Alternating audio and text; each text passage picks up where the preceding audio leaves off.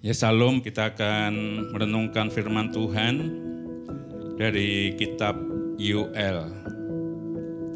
Kita akan baca terlebih dahulu pasal yang kedua ayat 25 dan ayat 26. Kitab UL pasal 2 ayat 25 dan ayat 26. Demikian firman Tuhan.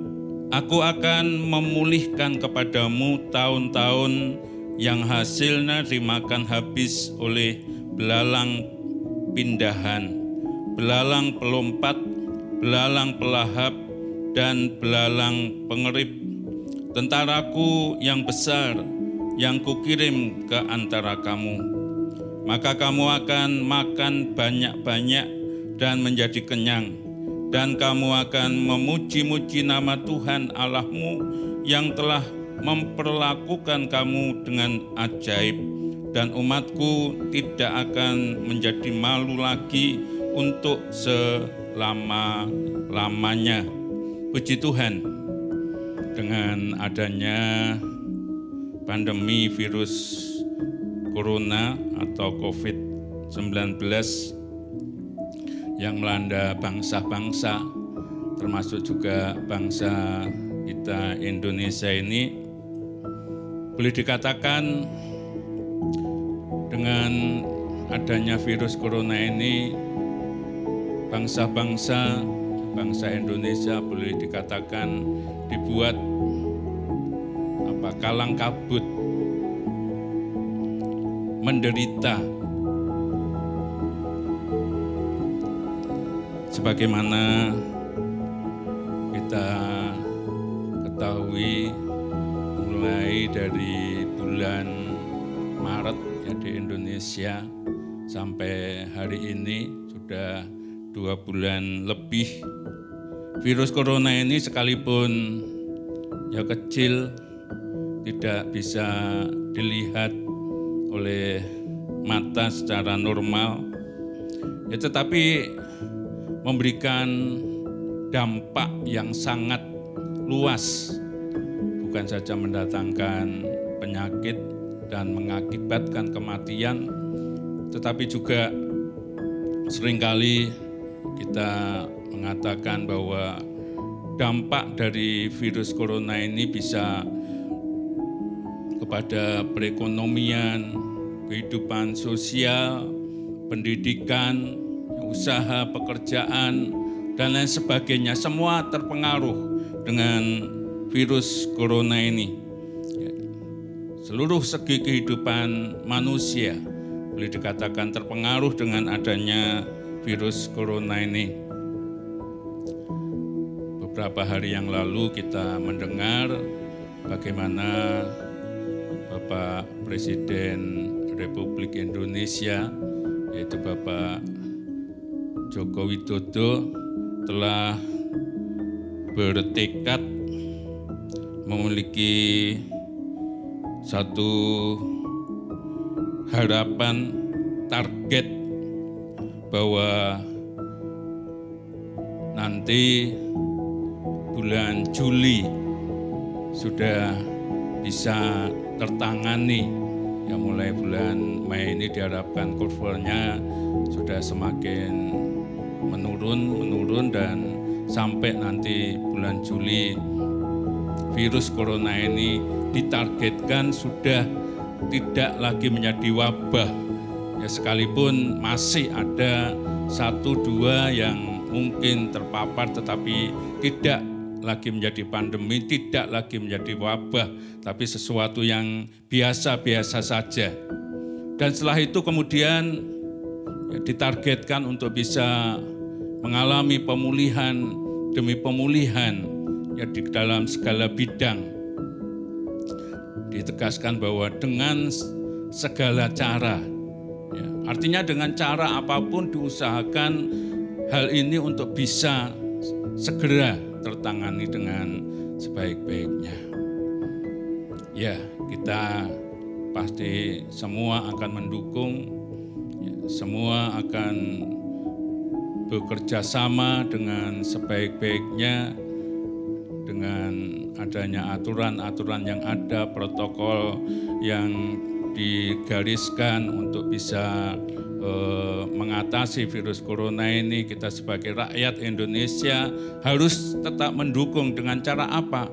Ya dengan cara mentaati setiap apa yang sudah digariskan melalui peraturan-peraturan yang ada dengan disiplin tentunya. Ya, tanpa ada kedisiplinan, ya tentu usaha yang sebesar apa pun tidak akan pernah bisa berhasil dengan sebaik-baiknya. Sebab virus corona ini menular melalui kehidupan manusia. Kalau manusianya sendiri tidak taat, tidak patuh, tidak disiplin, cara manusia ya tidak akan mungkin bisa berhasil. Tapi lebih daripada itu, kita melihat bahwa ada sesuatu yang lebih utama menjadi dasar bagaimana bisa mengalami pemulihan dari segala sesuatu ini. Nah, kita akan belajar dari kitab Yoel ini. Kebenaran firman Tuhan ini bukan saja diperuntukkan bagi zamannya Yoel, tetapi juga sampai akhir zaman. Ya. Ini adalah kebenaran firman Tuhan, dan firman Tuhan itu tidak pernah uh, tidak pernah basi, ya, tetapi tetap up to date untuk menghadapi segala masalah persoalan yang terjadi di dalam kehidupan di muka bumi ini. Kalau kita membaca di dalam pasal yang pertama, ya ayat 1 dan ayat 2, ya kadang-kadang orang berkata, ah itu kan zaman dulu, bukan untuk zaman sekarang. Tapi di sini dikatakan ayat 1 ayat 2 dari Yoel pasal 1. Firman Tuhan yang datang kepada Yoel bin Petuel. Ya, jadi ini adalah firman Tuhan. Ya. Firman yang daripada Tuhan sekalipun disampaikan melalui Nabi Yoel. Dengarlah ini, hai para tua-tua, Pasanglah telingamu, hai seluruh penduduk negeri. Pernahkah terjadi seperti ini dalam zamanmu atau dalam zaman nenek moyangmu? Ceritakanlah tentang itu kepada anak-anakmu dan biarlah anak-anakmu menceritakannya menceritakannya kepada anak-anak mereka dan anak-anak mereka kepada angkatan yang kemudian. Ya, artinya bahwa firman yang datang daripada Tuhan. Dalam hal ini melalui Nabi Yoel ya, itu untuk diceritakan. Ya bukan pada zaman Yoel saja tapi kepada anak-anak, kepada cucu-cucunya, kepada generasi-generasi yang seterusnya. Ya. Jadi kebenaran firman ini berlaku ya, bagi sepanjang zaman ya. sebagai pedoman hidup untuk menghadapi segala masalah persoalan yang terjadi di sepanjang zaman tetap up to date ya, bisa diandalkan oleh sebab itu pada saat ini kita akan belajar dari kebenaran ini. Bagaimana Tuhan memberikan pemulihan kepada bangsa-bangsa, kepada umat Tuhan, lebih-lebih kepada umat pilihan Tuhan. Saat itu ada berbagai-bagai hal yang sedang dihadapi. Kalau kita membaca di dalam pasal 1 ayat yang keempat dikatakan apa yang ditinggalkan belalang pengerip telah dimakan belalang pindahan Apa yang ditinggalkan belalang pindahan telah dimakan belalang pelompat dan apa yang ditinggalkan belalang pelompat telah dimakan belalang pelahap. Kemudian ayat yang ketujuh, telah dibuatnya pohon anggurku menjadi musnah dan pohon araku menjadi buntung. Dikelupasnya kulitnya sampai eh, sama sekali dan dilemparkannya sehingga carang-carangnya menjadi putih. Kemudian kita loncat ayat yang ke-10 sampai dengan ayat yang ke-12.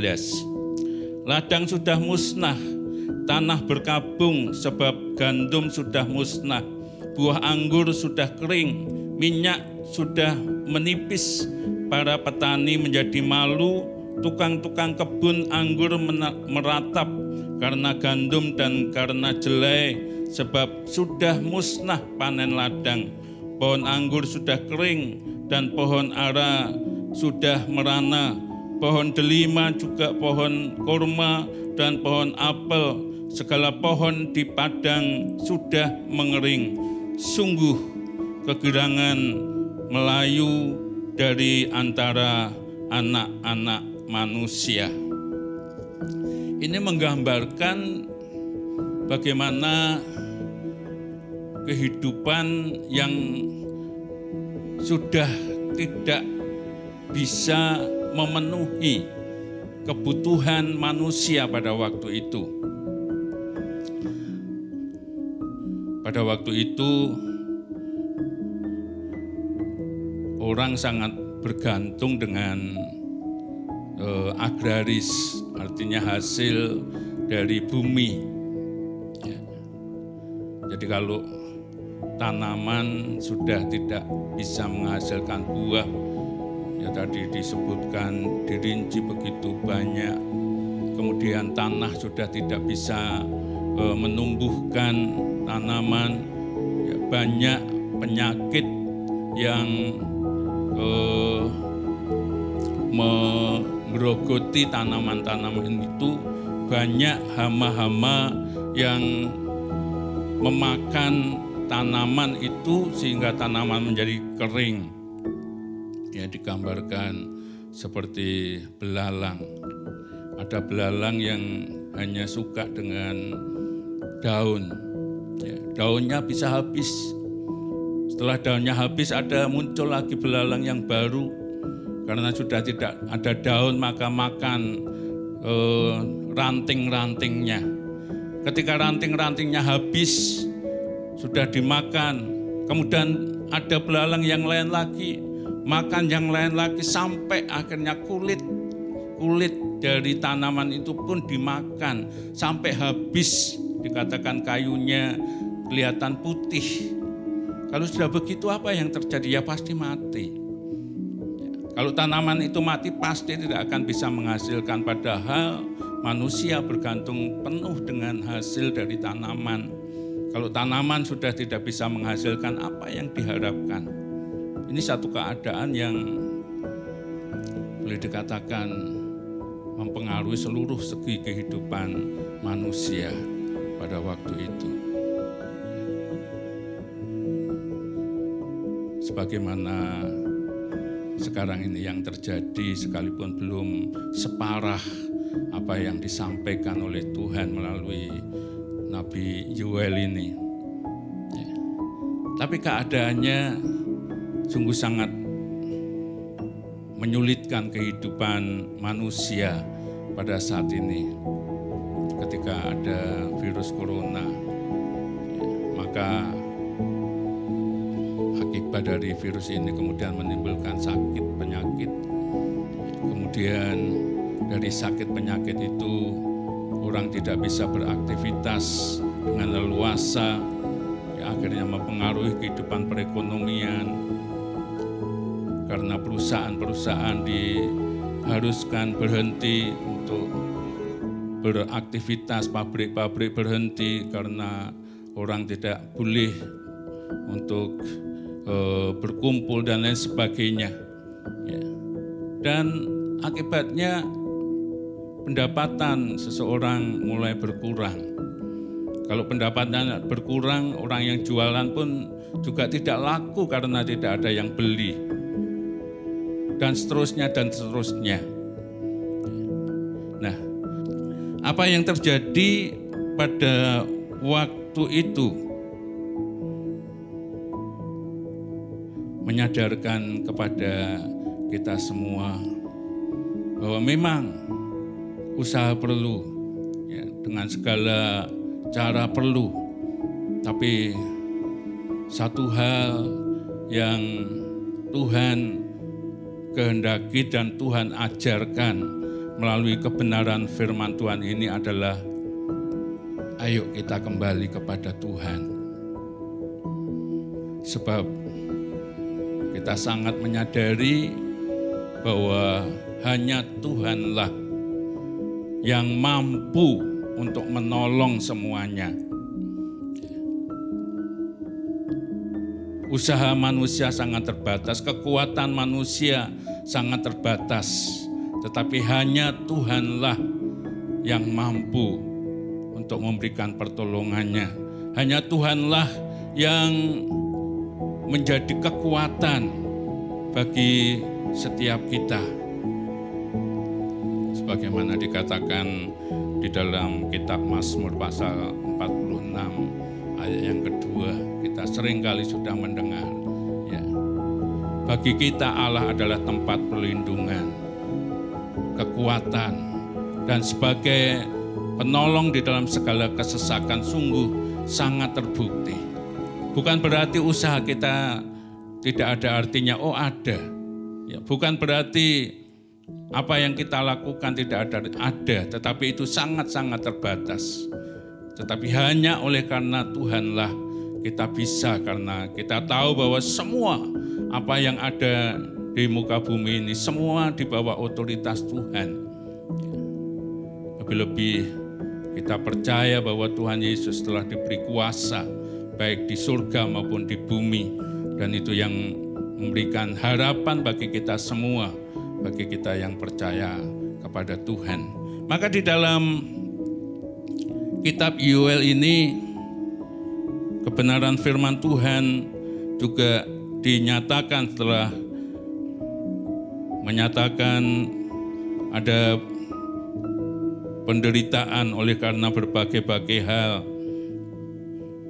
Maka kemudian di dalam pasal 1 ayat yang ke-13 kalau kita membaca di dalam Alkitab penuntun hidup berkelimpahan, kalau di sini tidak ada judul berikutnya tetapi di sana dituliskan panggilan untuk bertobat. Saya bacakan ayat 13 dan ayat 14. Lilitkanlah kain kabung dan mengeluhlah hai para imam merataplah hai para pelayan misbah masuklah bermalamlah dengan memakai kain kabung. Hai para pelayan Allahku sebab sudah ditahan dari rumah Allahmu korban sajian dan korban curahan. Adakanlah puasa yang kudus maklumkanlah perkumpulan raya, kumpulkanlah para tua-tua dan seluruh penduduk negeri ke rumah Tuhan Allahmu dan berteriaklah kepada Tuhan. Yang pertama, untuk bisa mengalami pemulihan. Seperti tadi yang kita baca dalam pasal 2 ayat 20 5 dan 26 adalah datang kepada Tuhan. Berdoa kepada Tuhan. Dikatakan mengeluhlah hai para imam, merataplah hai para pelayan, masuklah, bermalamlah, memakaikan kabung. Artinya kalau kita perhatikan Yang pertama dikatakan mengeluhlah. Kemudian merataplah. Dan kemudian pasal 14 dikatakan berteriaklah. Kalau kita perhatikan ini adalah satu langkah tindakan bagaimana kita menghadapi situasi kondisi yang tentu sangat-sangat menekan di dalam kehidupan manusia pada waktu itu dan pada waktu sekarang juga. Ketika menghadapi masa-masa yang sulit, ketika menghadapi masa-masa yang sukar, ketika menghadapi kesakitan-kesakitan yang terjadi oleh karena masa-masa yang sulit itu, Tuhan kehendaki mengeluh,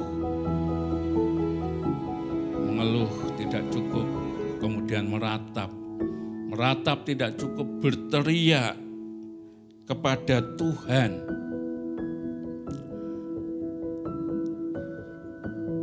Gambaran yang mudah kita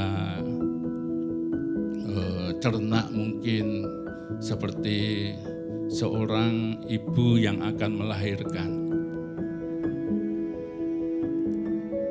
Pada awal-awalnya ketika sudah waktunya untuk melahirkan mengeluh. Boyoke mulai ya sakit, ya perutnya mulai tidak enak, ya mulai mengeluh. Nah setelah hampir tiba, ya sudah ada tanda-tanda akan melahirkan, ya mulai merasakan kesakitan, meratap karena sakit, mengeluh. Ya. Tapi ketika sudah hampir lahir, kemudian tidak saja cukup dengan mengeluh, tidak cukup dengan meratap, tapi berteriak-teriak. Ya.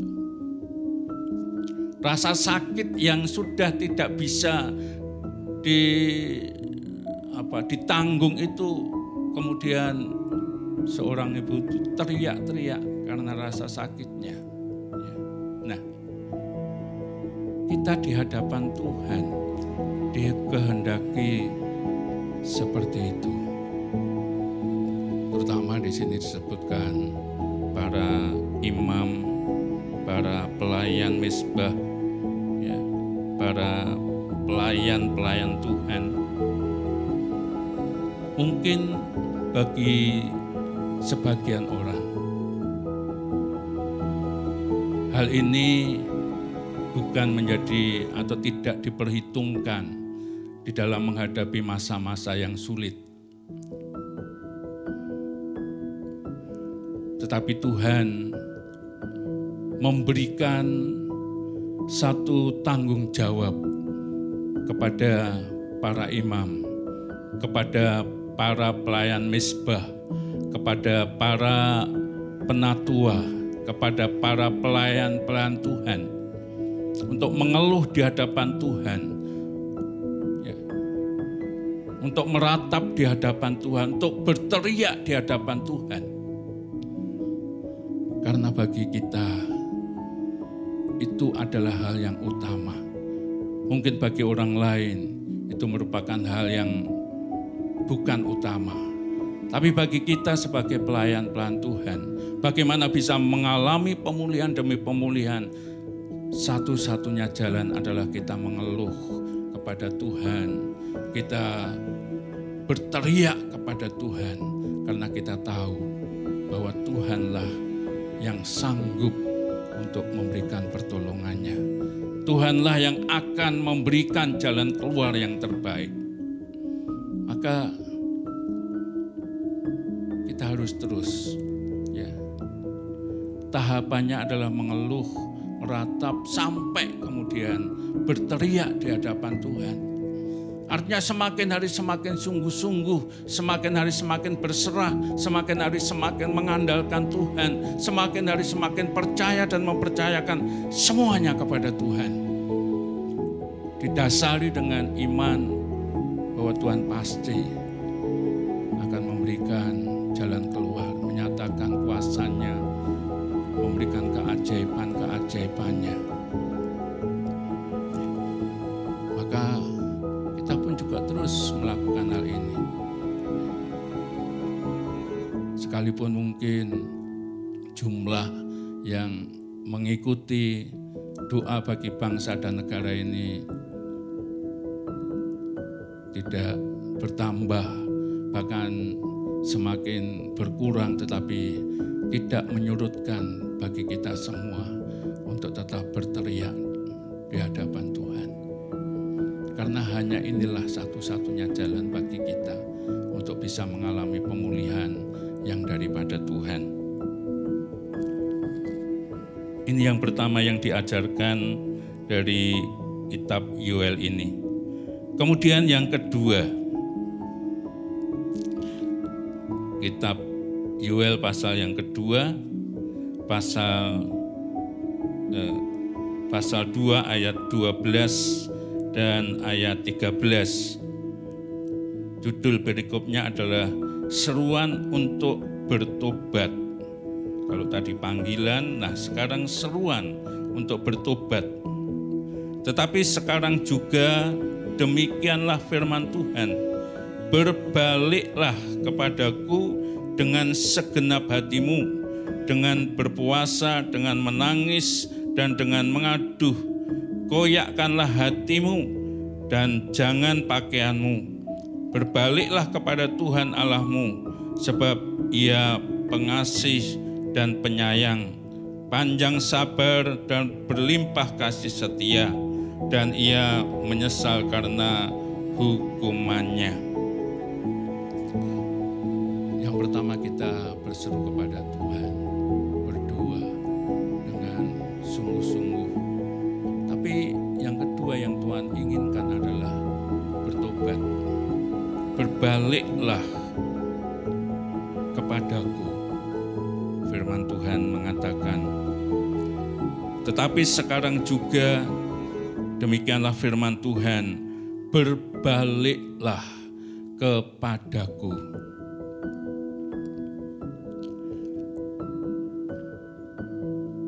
Ini syarat yang diberikan oleh Tuhan. Berbalik dari jalan-jalan yang tidak benar kepada jalannya Tuhan. Mengakui segala dosa-dosa yang telah diperbuat.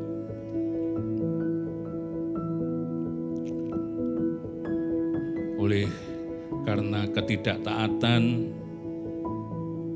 kepada firman Tuhan, dikatakan itu adalah dosa. Dan ketidaktaatan kepada firman Tuhan akan mendatangkan kutuk yang daripada Tuhan tapi sebaliknya ketika mau melakukan setiap kebenaran-kebenaran firman Tuhan akan mendatangkan berkat bagi kita semua. Dosa apa yang sedang terjadi, yang sedang dilakukan, itu yang menjadi bagian untuk dijauhkan dari setiap kehidupan kita umat manusia, khususnya bangsa kita Indonesia. Perbuatan-perbuatan yang bertentangan dengan kebenaran-kebenaran firman Tuhan itu yang harus dijauhkan dan berbalik kepada Tuhan. Bukan saja dengan pengakuannya, bukan saja dengan kesadarannya bahwa sudah berbuat dosa, tetapi dikatakan dari hati kita. Ya tadi dikatakan di dalam ayat yang ke-13, koyakkanlah hatimu dan jangan pakaianmu.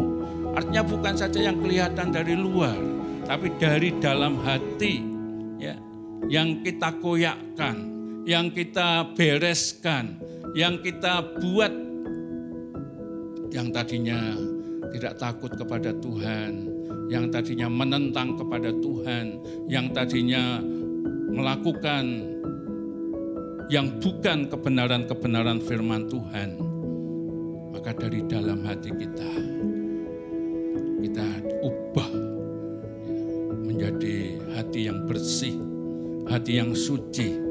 Karena firman Tuhan juga mengatakan dari hatilah terpancar kehidupan. Kalau hati kita kotor penuh dengan dosa, maka yang akan muncul adalah kutuk yang daripada Tuhan. Tapi kalau hati kita bersih, ya, maka yang akan muncul adalah berkat-berkat yang daripada Tuhan. Maka Tuhan berkata, bertobatlah, berbaliklah ya, dari jalan-jalanmu yang jahat kepada terang kebenaran firman Tuhan. Meninggalkan segala perbuatan-perbuatan dosa dan melakukan segenap kebenaran-kebenaran firman Tuhan. Ini yang harus terus menjadi bagian dari setiap kita, anak-anak bangsa, ya, agar kita hidup di dalam pertobatan, ya. menyadari akan segala dosa-dosa dan kesalahan-kesalahan yang pernah dilakukan dalam kehidupan ini dan berbalik kepada Tuhan. Pada jalan-jalannya Tuhan, hidup takut kepada Tuhan.